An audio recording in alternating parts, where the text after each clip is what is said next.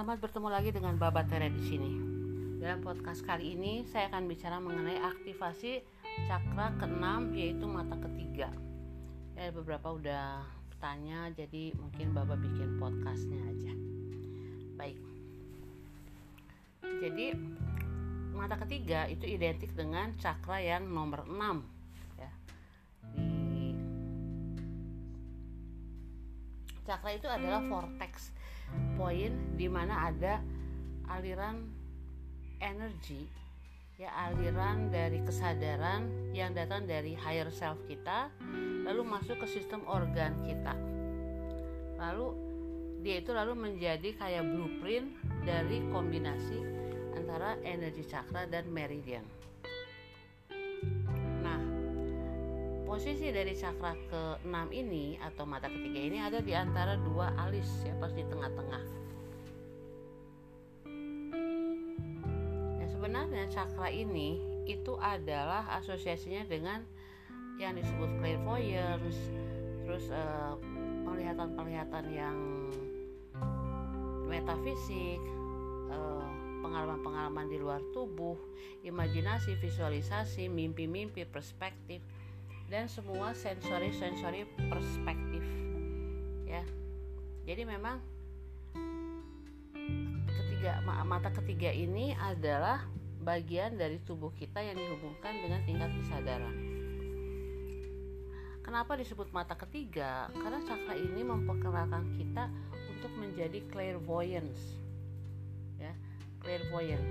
Dengan kata lain bahwa kita mempunyai kemampuan untuk melihat apa yang biasanya tidak terlihat dalam kesadaran yang biasa tetapi ketika dengan mata ketiga kita bisa melihat hal-hal yang jauh di bidang di area hal-hal yang biasa. Nah, teman-teman, jangan katakan bahwa hanya indigo yang punya clairvoyance. Banyak dari kita juga mempunyai clairvoyance, ya. Jadi itu adalah kemampuan yang diberikan oleh mata ketiga itu yang dimiliki oleh banyak Kenapa? Karena kalau misalnya Anda light worker, starship atau wanderer, itu kemungkinan besar Anda juga mempunyai kemampuan clairvoyance, bisa melihat eh, hal-hal uh, yang di luar fisik. Ya, tetapi tidak dilatih atau belum diaktifasi.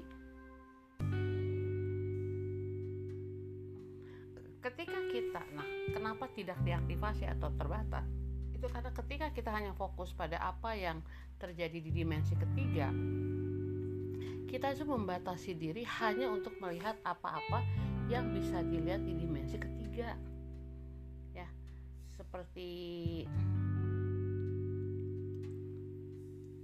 sebenarnya seorang bayi ketika dia lahir itu sebenarnya dia bisa melihat dimensi benefitnya sifatnya multiple tetapi lalu dalam proses secara institusional dari rumah, dari sekolah, dari komunitas-komunitas yang ada, dia tuh dipaksa untuk memfokuskan pada apa-apa yang bisa dilihat di dimensi ketiga dan benar-benar mengacukan realita-realita dari dimensi-dimensi lain.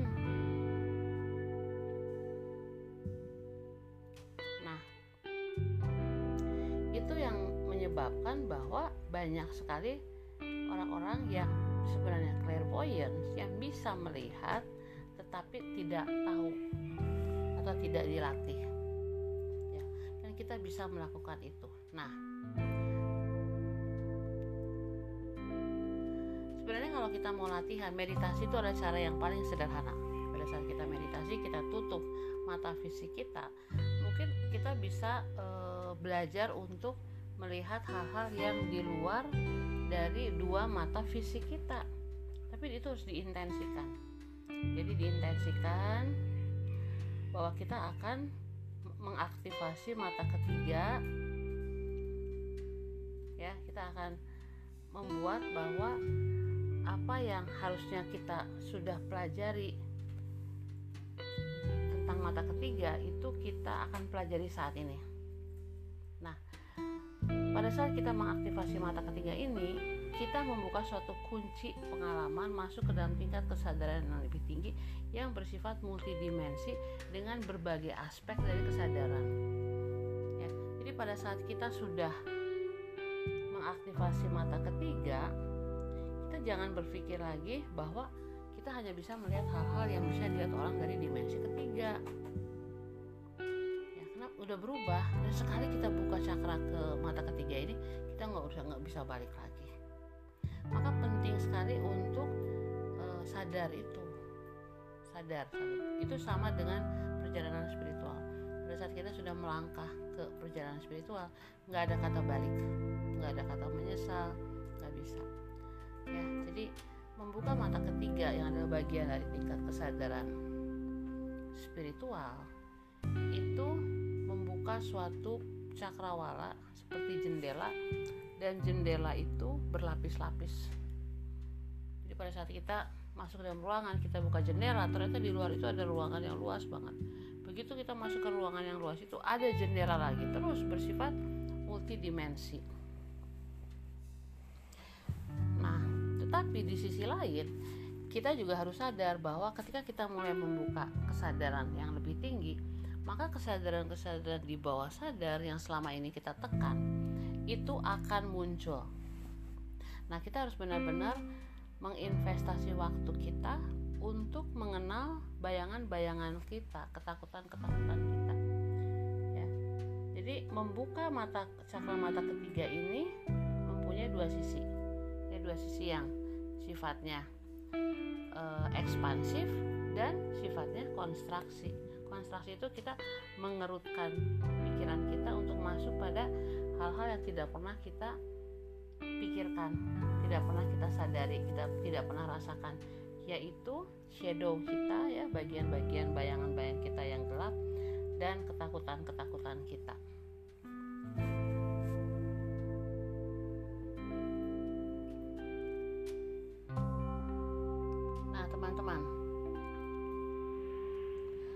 Mengapa kita harus berhubungan dengan ketakutan-ketakutan kita? karena ketakutan-ketakutan kita itu adalah bagian dari kita dan kalau anda mengerti apa yang disebut projection ya, projection itu ketika sesuatu yang terjadi di luar diri kita itu kita pakai pola pikir kita dan cara pandang kita lalu kita menganggap apa yang kita pikirkan tentang apa yang ada di luar kita itu betul ya misalnya nih ketika kita lewat sekelompok teman lagi ngelihat kita terus mereka bicara bisik-bisik. Lalu kita mempersepsikan bahwa wah mereka ngomongin kita nih ngomongin saya gitu ya. Itu namanya proyeksi. Karena kebenaran proyeksi itu belum tentu sesuai dengan kenyataan. Ya jadi pada saat kita menghadapi ketakutan-ketakutan itu teman-teman kita harus tahu kita itu ada di bawah persepsi kita sendiri tentang ketakutan itu tentang bagaimana kita sudah hidup dalam cangkang. Dan bagaimana caranya kita membuka cangkang itu sedikit demi sedikit. Kalau dalam dunia psikologis itu seperti membuka lapisan-lapisan dari daun bawang bukan daun bawang bombay. Kita buka satu lagi mata kita pedih nangis. Kita buka satu lagi mata kita pedih nangis. Sampai akhirnya lapisan-lapisan bawang bombay itu nggak ada. Nah kenapa harus menangis? Kenapa harus sedih ya? Karena kita sebagai manusia ini harus mengembangkan sisi emosional kita. Dan sisi emosional kita itu mempunyai dua sisi sisi bahagia dan sisi yang sedih. Kalau kita cuma ingin bahagia aja kita kayak robot. Kita nggak tahu apa artinya hidup. Maka kita harus masuk ke sisi yang sedih sisi takut sisi gelap. Sisi-sisi ini itu mewarnai kehidupan kita mewarnai siapa kita sebenarnya tapi juga mewarnai persepsi kita tentang kehidupan. Nah, jadi pada saat kita mau masuk pada tingkat kesadaran yang lebih tinggi, ya, itu kita harus sadar bahwa kita juga masuk ke dalam sisi-sisi gelap kita. Ya, jadi, ah, jadi ini bicara tentang kebenaran, tentang semesta dan apa itu kebenaran dan apa itu semesta itu adalah suatu perjalanan panjang yang seperti kita uh, istilahnya tuh undoing, undoing atau unlearning. Jadi gini ya,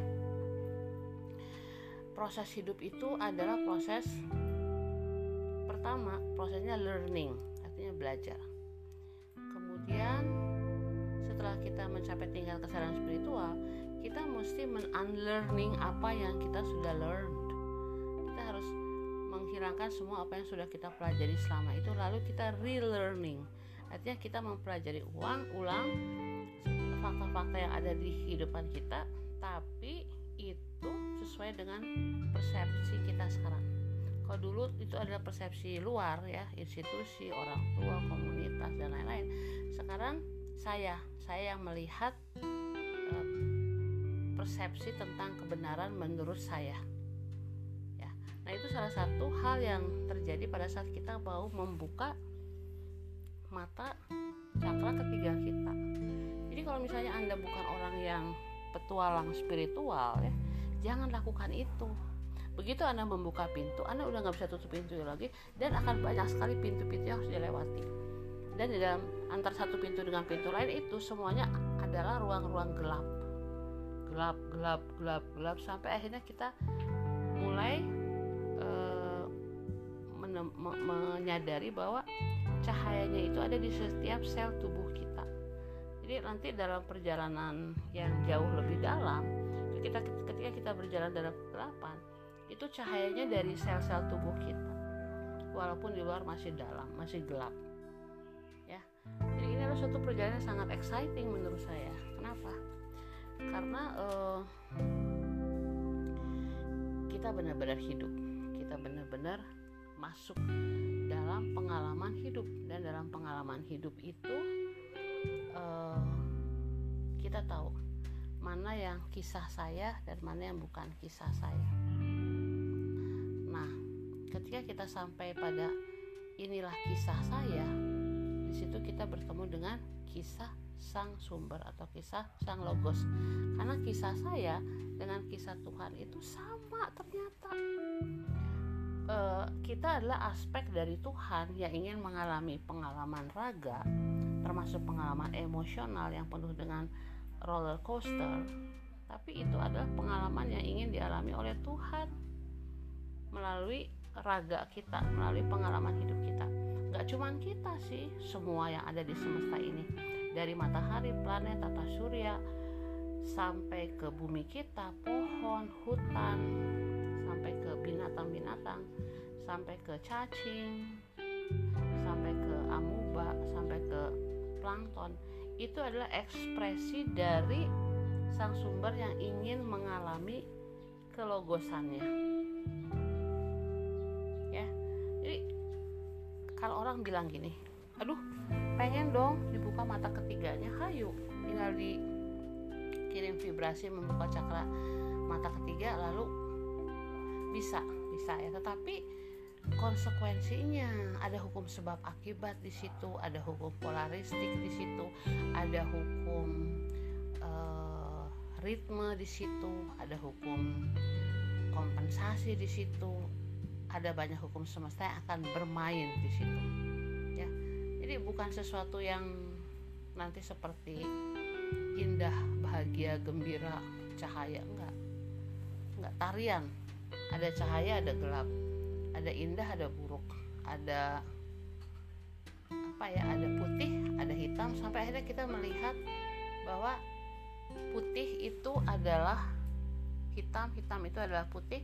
Lalu kita bisa melewati hitam dan putih lalu kita melihat warna pelangi. Ada magiku hibiniu ya.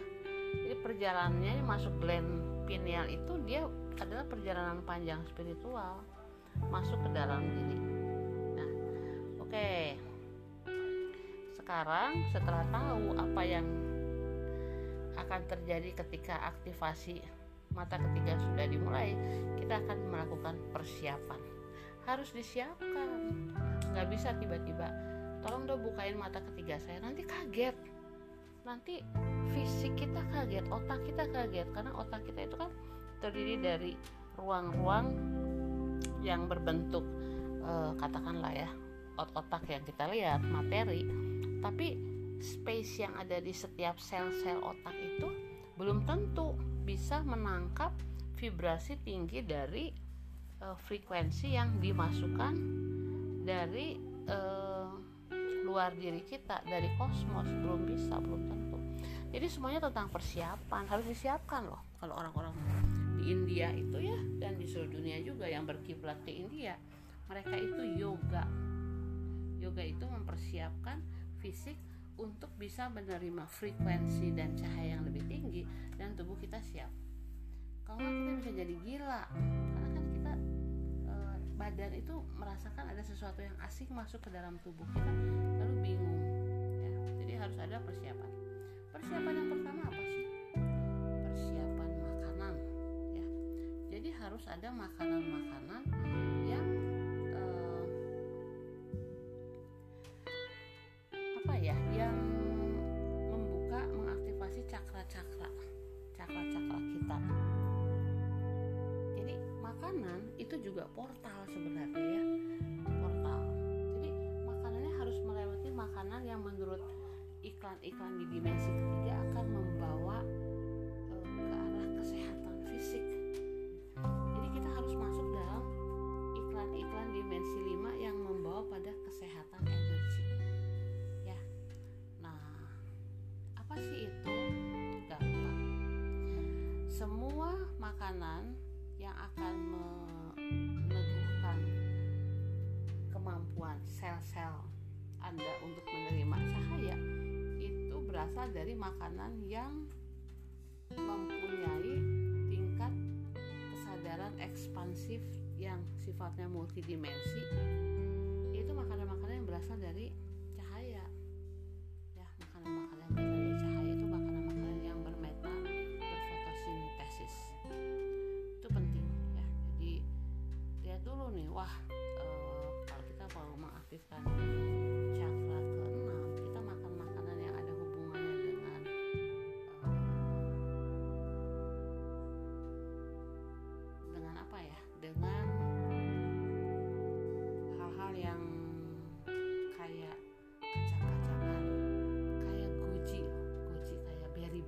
berry-berry gitu ya strawberry blueberry nih ada misalnya aduh di Indonesia susah ya memang ya. Kayak grape juice. Ada grape juice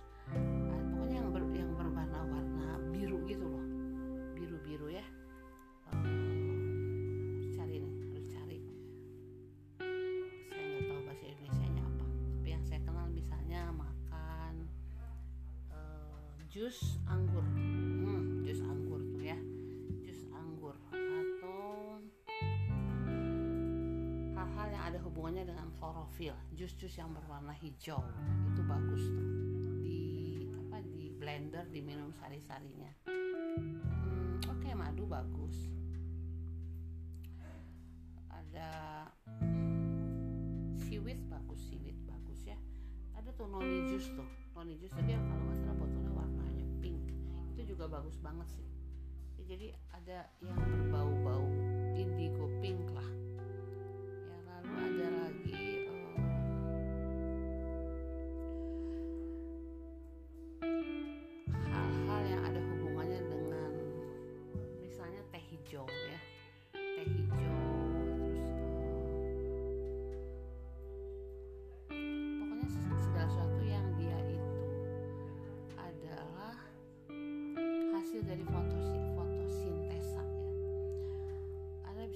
ginseng atau misalnya lalap-lalapan. Tuh lalap-lalapan tuh kalau di tanah tempat saya tinggal ini banyak yang disebut lalap-lalap ya.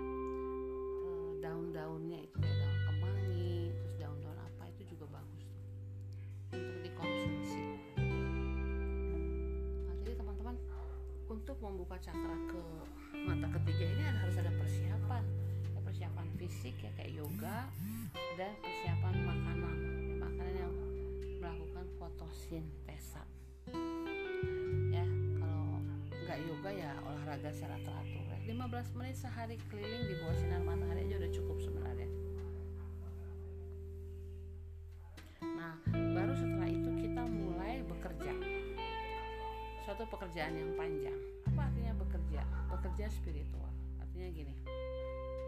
Kita mulai mengurangi ketergantungan kita untuk melihat segala sesuatu dari mata fisik melihat segala sesuatu dari mata non fisik yaitu mata ketiga kita. Artinya apa? Biasakan hidup atau berasa biasa biasakan nyaman dalam kegelapan. Benar-benar bebas dari uh, listrik bebas dari sumber-sumber cahaya. Jadi biasakan ya anda itu hidup dalam kegelapan. Misalnya kamar matikan seluruh ruangan sehingga akhirnya gelap total. Nah itu pernah saya diajak ya oleh suatu komunitas di kota saya untuk ikutan meditasi kolektif gitu. Kebetulan dilakukannya pas jam 12 malam.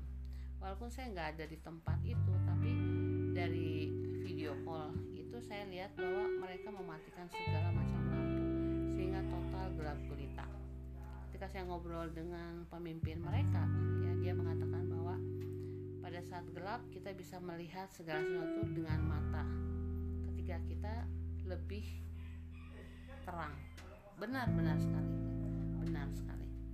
Malah dalam pengalaman saya begitu kita membiasakan diri dengan kegelapan itu sebenarnya terang. Yang terjadi adalah terang di mana-mana. Ya jadi selain olahraga fisik harus mulai nyaman dengan kegelapan.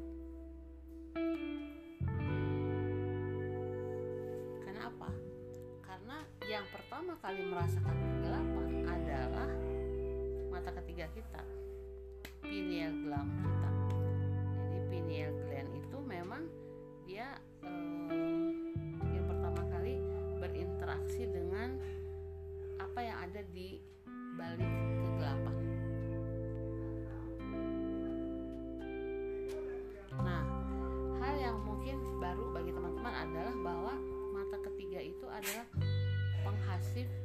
penghasil melatonin Nah, melatonin itu adalah kunci utama untuk masuk ke otak kita, masuk dalam suatu tingkat kesadaran untuk mengalami suatu tingkat kesadaran yang tidak saja dibatasi oleh dimensi ketiga. Jadi ada bagian dari tubuh kita namanya melanon, melatonin, itulah yang membuat uh, otak kita tuh pergi melampaui atau bekerja melampaui batas-batas dari dimensi ketiga.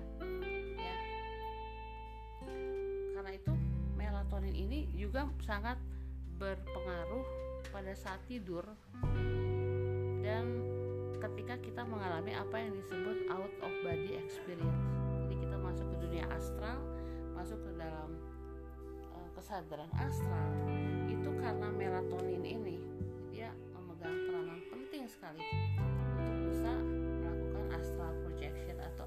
body experiment ya jadi caranya gini. Kita boleh duduk tapi kita punya tulang belakang selalu lurus tegak ya. Karena itu kan 33 ruang luas tulang belakang itu adalah kita punya uh, pilar. Pilar itu pilar kita pilar untuk bisa berdiri. Nah lalu anda harus perhatikan lapas Anda.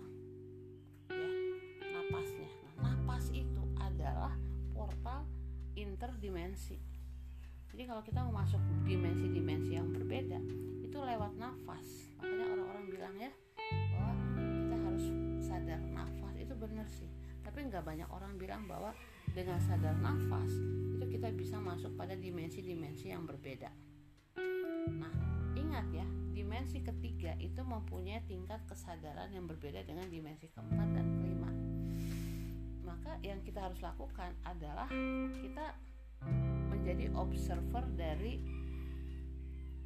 kita punya uh, cara bernafas ya. Dan bernafas itu harus lewat hidung.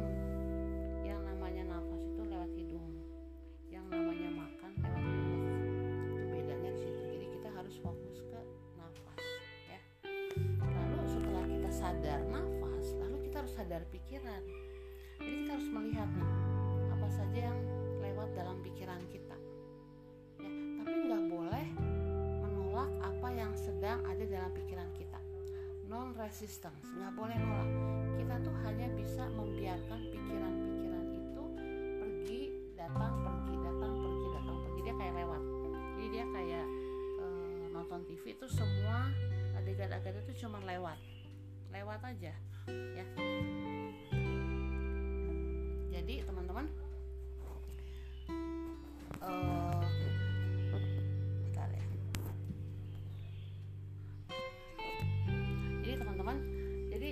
sadar nafas itu ya sadar nafas itu lalu kita satukan dengan sadar pikiran.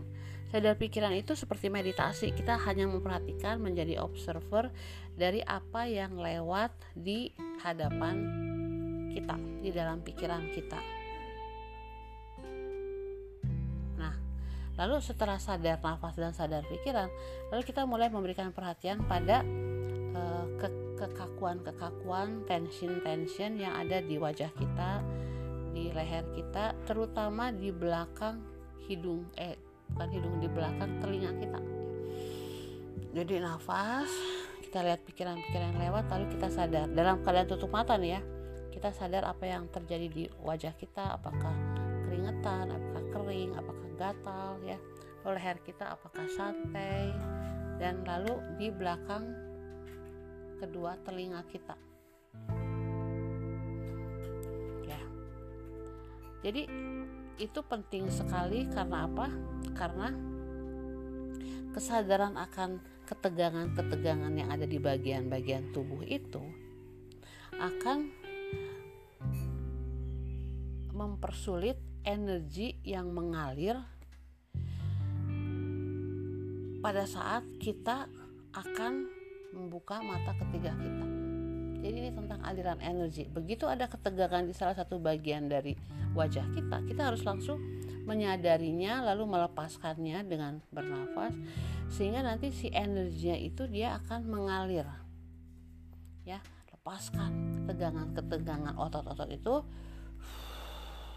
lalu kita mulai memperhatikan kita punya uh, otot-otot yang ada di sekitar mata kita telinga kita dan uh, apa namanya tuh kulit kepala kita sampai semua ketegangan-ketegangan itu dilepaskan, rilis ya, dilepaskan. Kita tetap dalam keadaan tutup mata ya, semuanya dalam keadaan kegelapan. Nah, kemudian ini tahap keduanya ya. Jadi tahap pertama kita itu persiapan sebenarnya. Persiapannya apa? Sadar ya, sadar nafas, sadar pikiran, sadar ketegangan di dalam di sekitar oh, wajah kita. Nah sekarang bagian keduanya ya.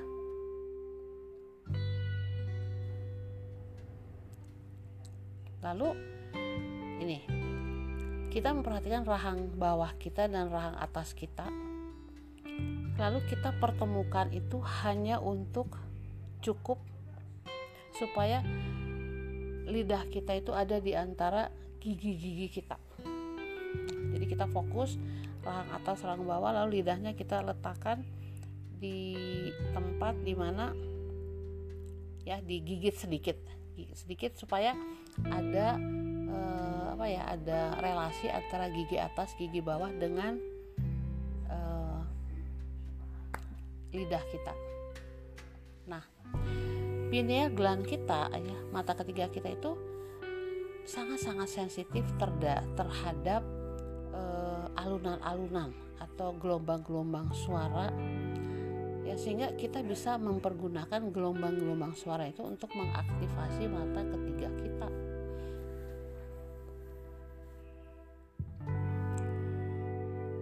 Jadi kita pelan-pelan di sini ya. Jadi setelah kita menarik nafas lalu kita membuat suara. Suara itu adalah to ya t h h o h h.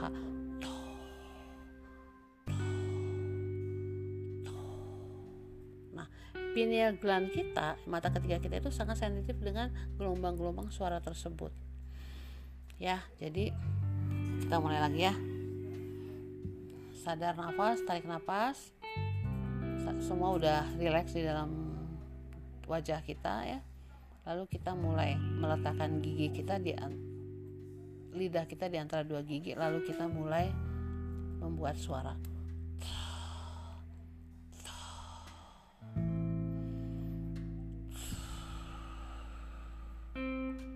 Ya jadi kita tarik nafas sampai ke dada kita lalu kita pada saat kita mengeluarkannya itu kita mengucapkan kata jadi kita semacam memberikan vibrasi ya, vibrasi dengan nada-nada tertentu sehingga kita mendap kita bisa merasakan vibrasi itu lalu ke seluruh tubuh kita. Kita melakukannya enam kali dalam satu tarikan ya enam kali kita masuk dalam tarian semesta 6 karena 6 itu kan dimensi keempat ya. Nah eh, hati-hati pada saat melakukan ini. Anda bisa tiba-tiba sakit kepala pusing ya. Kenapa? Karena ada bagian-bagian dari kepala kita dari otak kita yang tidak biasa kita lakukan tidak kita biasa kita latih. Jadi wajarlah kalau sesuatu yang tidak bisa tidak biasa mengalami sesuatu lalu kaget nah itu nggak apa-apa. Itu sesuatu yang normal sesuatu yang biasa ya dalam proses ini. Jadi yang namanya sakit kepala migrain itu merupakan apa ya eh, simptom-simptom detoks detoksifikasi. Kadang-kadang kita malah merasa ul, u, apa uh, oleng ya oleng. Itu juga merupakan hal-hal yang sangat-sangat wajar. Nah lalu kita akan menarik napas dalam ya sampai perut lalu kita akan tahan dalam hitungan ke 6 1 2 3 4 5 6 ya hitungannya adalah 6 lalu lakukan ini selama tiga kali. Ya saya ulangi lagi ya. Jadi tarik 6 sampai perut lalu keluarkannya itu lidah kita ada di antara dua gigi lalu kita lepaskan melalui hidung. Lalu kita menyebutkannya pakai kata ya. Lalu kita ulangi lagi. Nah jadi e, putarannya tiga kali ya. Jadi tiga kali enam itu ada 18 18 kali. Nah 18 kali itu kan satu tambah 8 sama dengan 9 jadi kita masuk dalam tarian semesta 3 6 dan 9 nah kemudian jadi gini frekuensi itu adalah alunan-alunan uh, suara tones ya tones. Jadi yang mengaktifasi semua bagian-bagian dari cakra kita khususnya cakra ketiga adalah tones. Maka tones yang kedua itu adalah ucapan Mei Mei ya Mei Mei Mei seperti bulan Mei gitu ya. Tarik nafas lagi. Lalu nanti kedengarannya begini. Mei. Mei. Mei. Ya jadi di setiap uh, tarikan nafas selama enam kali itu Mei Mei Mei. Seperti itu ya. Oke. okay? Jadi kita bermain dengan gelombang. Gelombang pertama itu adalah gelombang Thoth, gelombang kedua itu adalah gelombang Mei.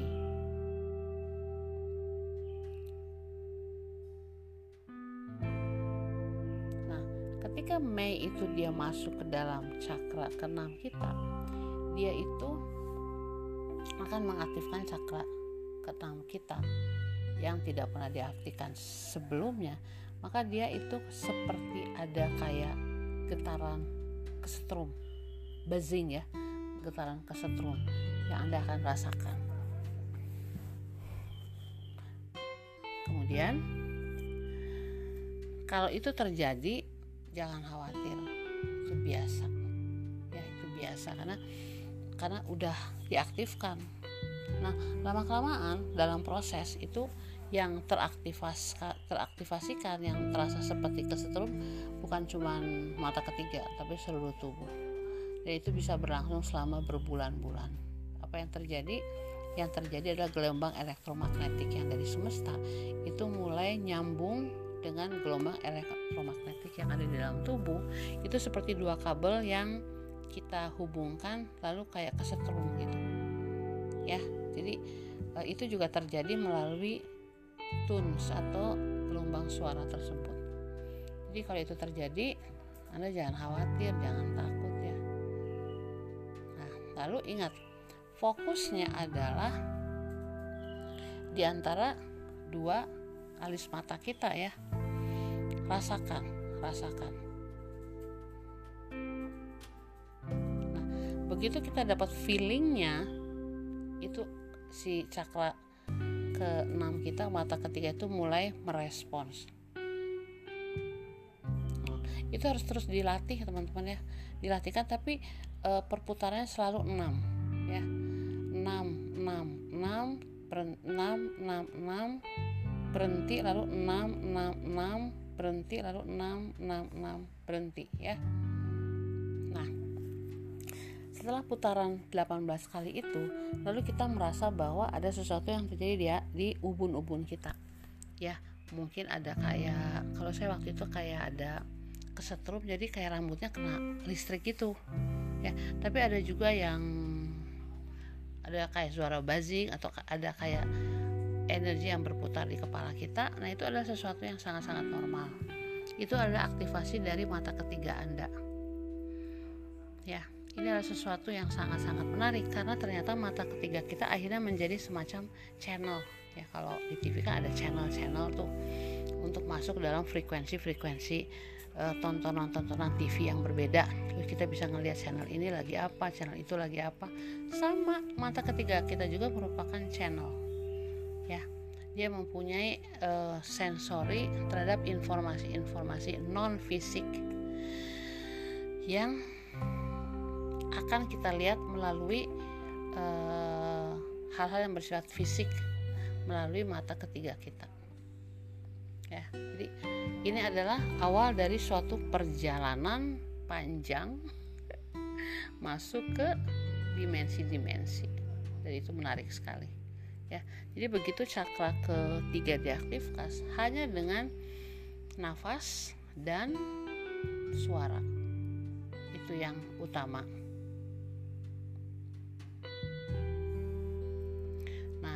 lalu tahap berikutnya itu adalah anda mulai harus sadar sadar sadar sadar yang namanya sadar nafas.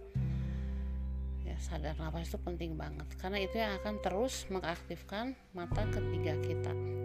Walaupun kita menutup mata kita ya tapi sebenarnya mata kita itu bisa melihat apa yang ada di balik apa yang kita mau lihat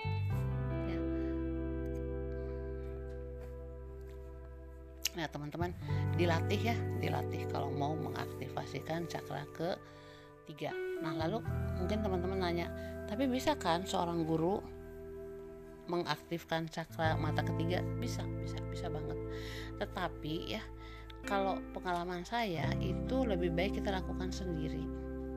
Karena nanti konsekuensinya ketika kita masuk ke dalam multidimensionalitas itu tanggung jawab kita. Kita nggak boleh lagi menyalahkan orang lain. Eh gara-gara itu. Gara-gara itu. Gara-gara itu gitu ya. Karena udah nggak bisa lagi. Kita yang bertanggung jawab atas apa yang kita lakukan. Kita yang bertanggung jawab. Menarik sekali. Karena dalam konteks multidimensi Anda akan mulai melihat banyak sekali gelombang-gelombang yang bertebaran melewati Anda gitu. Kadang-kadang kalau saya tutup mata itu tiba-tiba kayak ada berbagai aliran energi yang lewat lewat saya gitu. Nah pada saat yang lewat itu pas lewat fisik saya udah mulailah guncangan-guncangan.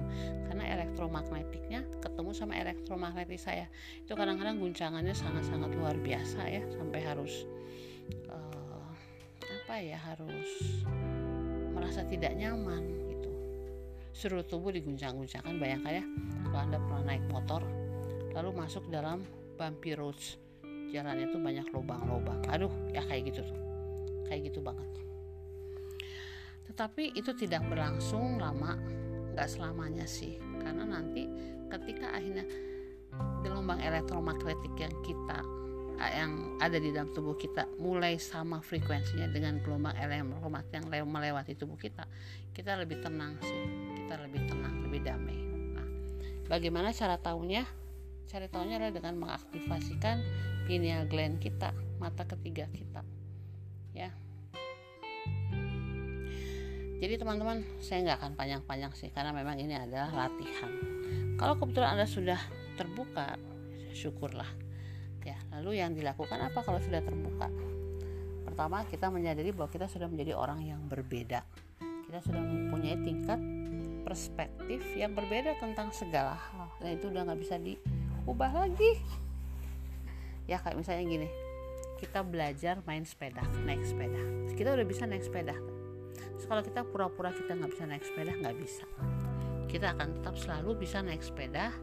Bahkan uh, setelah lama kita tidak naik sepeda pun kita akan bisa naik sepeda. Ya itu yang pertama. Yang kedua persepsi tentang Tuhan udah berbeda banget. Tuhan dimensi ketiga sama Tuhan dimensi keempat dan lima itu sangat berbeda teman-teman dimensi tiga itu sangat terkotak-kotak sangat terkubus-kubus. Tapi kalau Tuhan dimensi 5 itu Tuhannya uh, tidak beruang tidak berwaktu. Dia ada dia melampaui ruang dan waktu. Ya dan karena itu ketika kita masuk pada kesadaran mata ketiga sesuatu yang bersifat terbatas dulu udah nggak lagi udah nggak bisa lagi. Ya nggak bisa lagi kembali ke yang dulu dulunya baik oke sebagai penutup dari podcast tentang cara mengaktifasikan mata ketiga dan konsekuensinya maka setelah kita mengaktifasikan mata ketiga itu kita bisa menetralkan kembali apa yang ada di dalam tubuh kita ya. Kita bisa mendengarkan musik-musik dengan frekuensi-frekuensi yang tinggi ya. Misalnya frekuensi 714 atau misalnya 936 tapi jangan 1000 ke atas dulu lah ya. cukup di situ aja dulu atau misalnya kita bisa misalnya mengusap-ngusap kedua telapak tangan kita sampai hangat lalu kita mulai mengusapkan eh, tangan kita ke wajah kita. Seperti orang ngambil air wudhu ya tapi kita wudhunya wudhu energi dari semesta. Oke sampai sini saja dan saya harap anda benar-benar menikmati kehidupan sesudah cakra ke 6 itu diaktifasi karena nanti Anda akan masuki area yang Anda belum pernah tahu dan ternyata ada dan itu sangat-sangat powerful, besar, dahsyat dan di situlah kita sadar bahwa kita dan sang sumber adalah sama. Oke teman-teman terima kasih ya. Namaste dan selalu jangan lupa bahagia.